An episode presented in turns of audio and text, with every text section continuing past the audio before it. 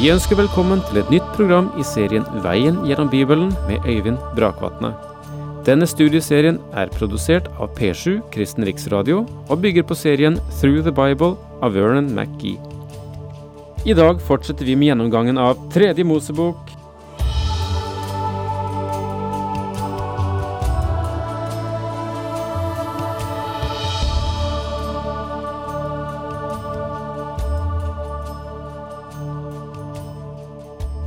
På mange måter har vi eh, opplevd veldige svingninger i spørsmålet f.eks. om barneoppdragelse. Helt fra det strengeste strenge har vi beveget oss via det frieste frie. Og nå begynner vi å innse etter hvert at eh, det å ha grenser og det å ha rammer ikke er så dumt. Enten det er barn eller voksne. Det å operere innenfor rammer som gir dem en anledning til å få det beste, men holder eh, feilskjærene unna, og det som eh, kan bryte ned og ødelegge, holde det vekke gjennom å sette fornuftige og riktige rammer. Det er ikke et onde, det er et gode. Og når vi møter dette i Guds ord også, så se ikke på det bare som stramme, rigorøse reguleringer av menneskelivet, men Gud ville ta vare på sitt folk. Vi møter kanskje at regelverket er sterkest i Det gamle testamentet, ja, og kanskje det trengtes slik da, men fremdeles så la oss passe på grenser. Der finnes grenser som Gud har satt, og vi skal ikke gå over dem. Vi skal ikke viske dem ut eller flytte dem. Det vil verken tjene deg selv, dine omgivelser eller det folk du bor iblant. Eh, Gud ønsker at vi skal være selektive, at vi skal lære oss til å forstå at det er noe som heter lys, og annet som heter mørke. Der er sort og hvitt, der er rett og galt, der er rent og urent. Og eh, vi må merke oss ikke at det er vi som setter disse vesentlige skiller, det er Gud som gjør det. Det er Han som markerer forskjellen mellom lys og mørke. Og det er Hans hensikt å skjerpe vår våkenhet og vår følsomhet overfor de grenser som Han har satt. Og det å ta vare på dem, det er av det gode. Gud ønsker at mennesket skal elske det gode og avsky det onde. Og den tid vi lever i, er et vitnesbyrd om at linjer viskes ut, og at mennesket har mistet følsomheten for den skarpe grense mellom rett og galt og godt og ondt. Mennesket forsøker å putte alt i livet inn i den amoralske gråsone. Gud trekker disse grensene for å drive mennesket til alteret og det blod som Kristus har gitt til rensing og tilgivelse. Det er Gud som skaper reglene. Noen spør hvordan vet du hva som er rett, og svaret er at rett er det som Gud sier er rett. Dette er Hans univers, vi må ikke glemme det. Vi opphøyer oss av og til til herrer over dette universet, vi er ikke det. Vi har fått et visst mandat fra Gud selv, men dette er hans univers. Kjenner du noen bedre forordninger enn de som han har skapt? Han har nedfelt lover for det fysiske univers, og det vil selvfølgelig koste deg dyrt å bryte dem. Ingen av oss kan liksom spankulere ut av et vindu i tiende etasje uten at det får visse konsekvenser. Gud beveger seg også inn i hverdagens rike, og intet er mennesket nærmere enn hva, hva det eter. Og Gud sier at noe er rent og noe er urent. Og mennesket må stadig minnes om at det lever i en verden der synden yngler. Mennesket må lære seg til å velge det gode og sky det onde. Selv om distinksjonen var moralsk, så betydde det også at de rene dyrene var sunnere som fødeemner og gav legeme næring, forhold til de urene. Skillet mellom rene og urene dyr, som vi har her i eh, Tredje Mosebok kapittel 11, er eldre enn den mosaiske økonomi, og vi vet at Noah tok hensyn til et slikt skille. La oss legge merke til at valget av spiselige dyr, fisk og fugl følger det generelle mønster som det siviliserte mennesket har hatt gjennom mange århundrer fram til i dag. Og det er ingen tilfeldighet. Gud markerte grensen, og det er visse dyr du vil ha og noen du ikke vil spise. En annen side vi bør merke oss, er at visse dyr representerte en mindre helsefare i det landet og ved den tiden, noe som ikke nødvendigvis behøver å være tilfelle under andre himmelstrøk. I dag har vi intet påbud angående rene og urene dyr hva angår spiselighet. Det er sterke moralske aspekter innbakt i dette kapitlet. Mennesket lever i en verden av synd, og Gud krever at vi tar hensyn til dette faktum.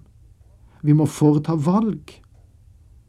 Det faldende mennesket utenfor eden har fremdeles et tre, om vi sier det i gåseøyne, om hvilket Gud sier at det må vi ikke ete av. Jeg tror at det moralske aspektet egentlig er det primære. Du husker at da Peter så duken komme ned fra himmelen med alle slags dyr og fugler på, så ville han ikke ete da Gud ba ham om å gjøre det. Da sa Gud til ham, Det som Gud har sagt er rent, må ikke du kalle urent. Du kan lese om denne sterke og merkelige episoden i apostelgjerningen i kapittel 10, vers 11-15. Med andre ord så er det Gud som setter reglene. Dette er en veldig moralsk lekse. Gud setter grensene, og mennesket må foreta sine valg i forhold til det Gud har bestemt. Alle dyr som har klover, klover som er kløvd helt igjennom og tygger drøv, dem kan dere spise. Vi er nå i Tredje Mosebok, kapittel 11, vers 3. Dette er regelen som skal følges for å bestemme hvilke dyr som kan etes. Og dette blir gjentatt i Femte Mosebok kapittel 14, og i det kapitlet er det en liste av dyr såsom okse, sau, geit, hjort, gasell, dådyr, steinbukk, antilope, villokse og villgeit.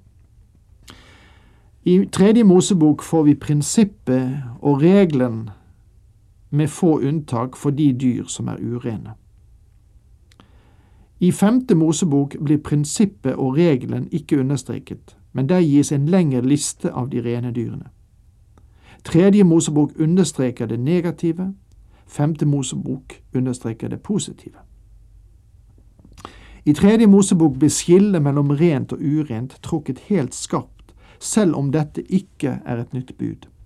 Skillet følger ikke en biologisk deling, men visse helsefaktorer var involvert. Noen hedenske nasjoner, eksempel Persia, det vi nå kaller Iran, så på noen dyr som skapt av en god gud, mens andre dyr var produktet av onde guder. Gud skapte alle dyr. Skillet gikk ikke ved noen dyrs natur, som om noen skulle representere synd og andre dyd. For eksempel var løven rituelt sett et urent dyr, men det representerer den Herre Jesus Kristus og er symbolet på Judas stamme. Det er derfor Kristus ble kalt løven av Juda stamme. Ser du forskjellen her på forståelsen av dyret som dyr, som uttrykk for kraft, som eh, kongen over dyrene, og dets rituelle renhet eller urenhet. Der er ingen mystisk forbindelse mellom sjel og legeme som man kan finne det i enkelte hedenske kulter også i dag. Dyrets natur overføres ikke til den som spiser det. Det er tøv, og det er overtro. Noe slikt har jeg møtt hos ekstreme vegetarer som er tilbøyelige til å mene at mennesket blir ondt fordi de spiser dyrekjøtt. Det er det rene nonsens. For Israel var skillet mellom rene og urene dyr en del av Guds plan for å få dem atskilt fra alle andre nasjoner. Selv i dag har kosher, det vil si rituelt godkjent mat for jøder, en spesiell mening for alle. De ble stadig minnet om at de levde i en verden der de alltid måtte foreta valg. For kristne er det noen åndelige tillempninger her. Vi har allerede vist at det er ikke noen fortjeneste i å følge bestemte ritualer angående kjøtt. Men det er interessant å legge merke til at å meditere er et figurativt uttrykk for en ku som drøvtygger maten. Men har sin glede i Herrens lov og grunner på den dag og natt, står det i Salme 1 vers 2. Å meditere er et gangbart bilde for å drøvtygge de åndelige tilganger for troende. På samme måte, hvis vi trekker det litt ut, kanskje, synes du, på samme måte så taler de delte klover om den atskilte vandringen for den troende. Så formaner jeg dere, jeg som fange for Herrens skyld, at dere lever et liv som er verdig det kall dere har fått, skriver Paulus i Efeserbrevet kapittel 4 vers 1. Vandre i kjærlighet, slik som også Kristus elsket oss. Pass derfor nøye på hvordan dere lever, ikke som tåpelige mennesker, men som kloke. Det å si Efeserbrevet kapittel 5. Forholdet mellom å studere Guds ord og vandre som en troende er knyttet nær sammen. Men du skal holde fast på det du har lært og er blitt overbevist om, du vet jo hvem du har lært det av. Helt fra barndommen har du kjent de hellige skrifter, de som kan gi deg visdom som leder til frelse ved troen på Kristus Jesus. Slik formaner Paulus den unge Timotius i annet brev, kapittel 3, vers 14-15. Dere må gjøre det ordet sier, ikke bare høre det, ellers vil dere bedra dere selv, skriver Jakob i sitt brev kapittel 1 vers 22. Mine venner, det å vandre som en kristen er nært knyttet til Guds ord. Skal du vandre gjennom verden, så må du tygge drøv, for å si det slik, for å bli i bildet her nå i dette kapitlet, Guds ord, og du vil behøve å være atskilt fra den verden du vandrer gjennom på den måten som bare ordet kan frembringe.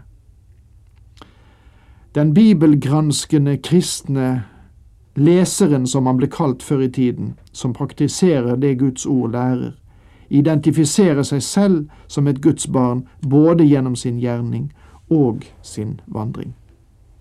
Min venn, hvilke spor setter du?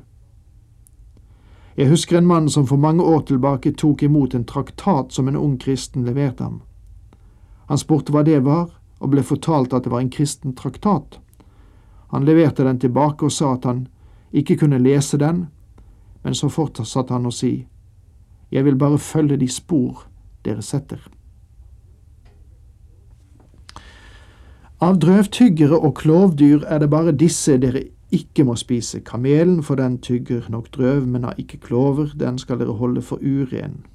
Og gjeldgrevlingen, for den tygger drøv, men har ikke klover, den skal dere holde for uren. Og haren, for den tygger drøv, men har ikke klover, den skal dere holde for uren. Og svinet, for det har klover, klover som er kløvd helt igjennom, men tygger ikke drøv, det skal dere holde for urent.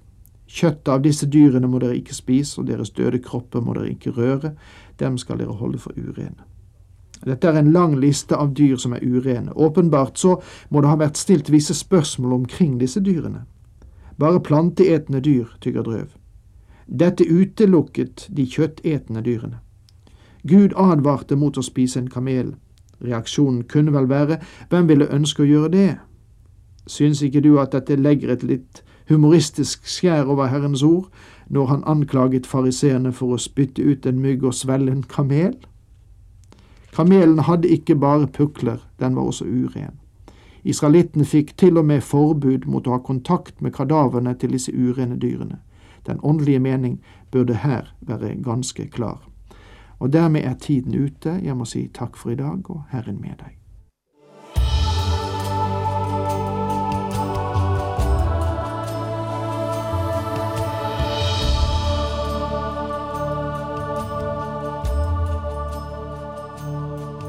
Du hørte Øyvind Brakvatne i studieserien Veien gjennom Bibelen.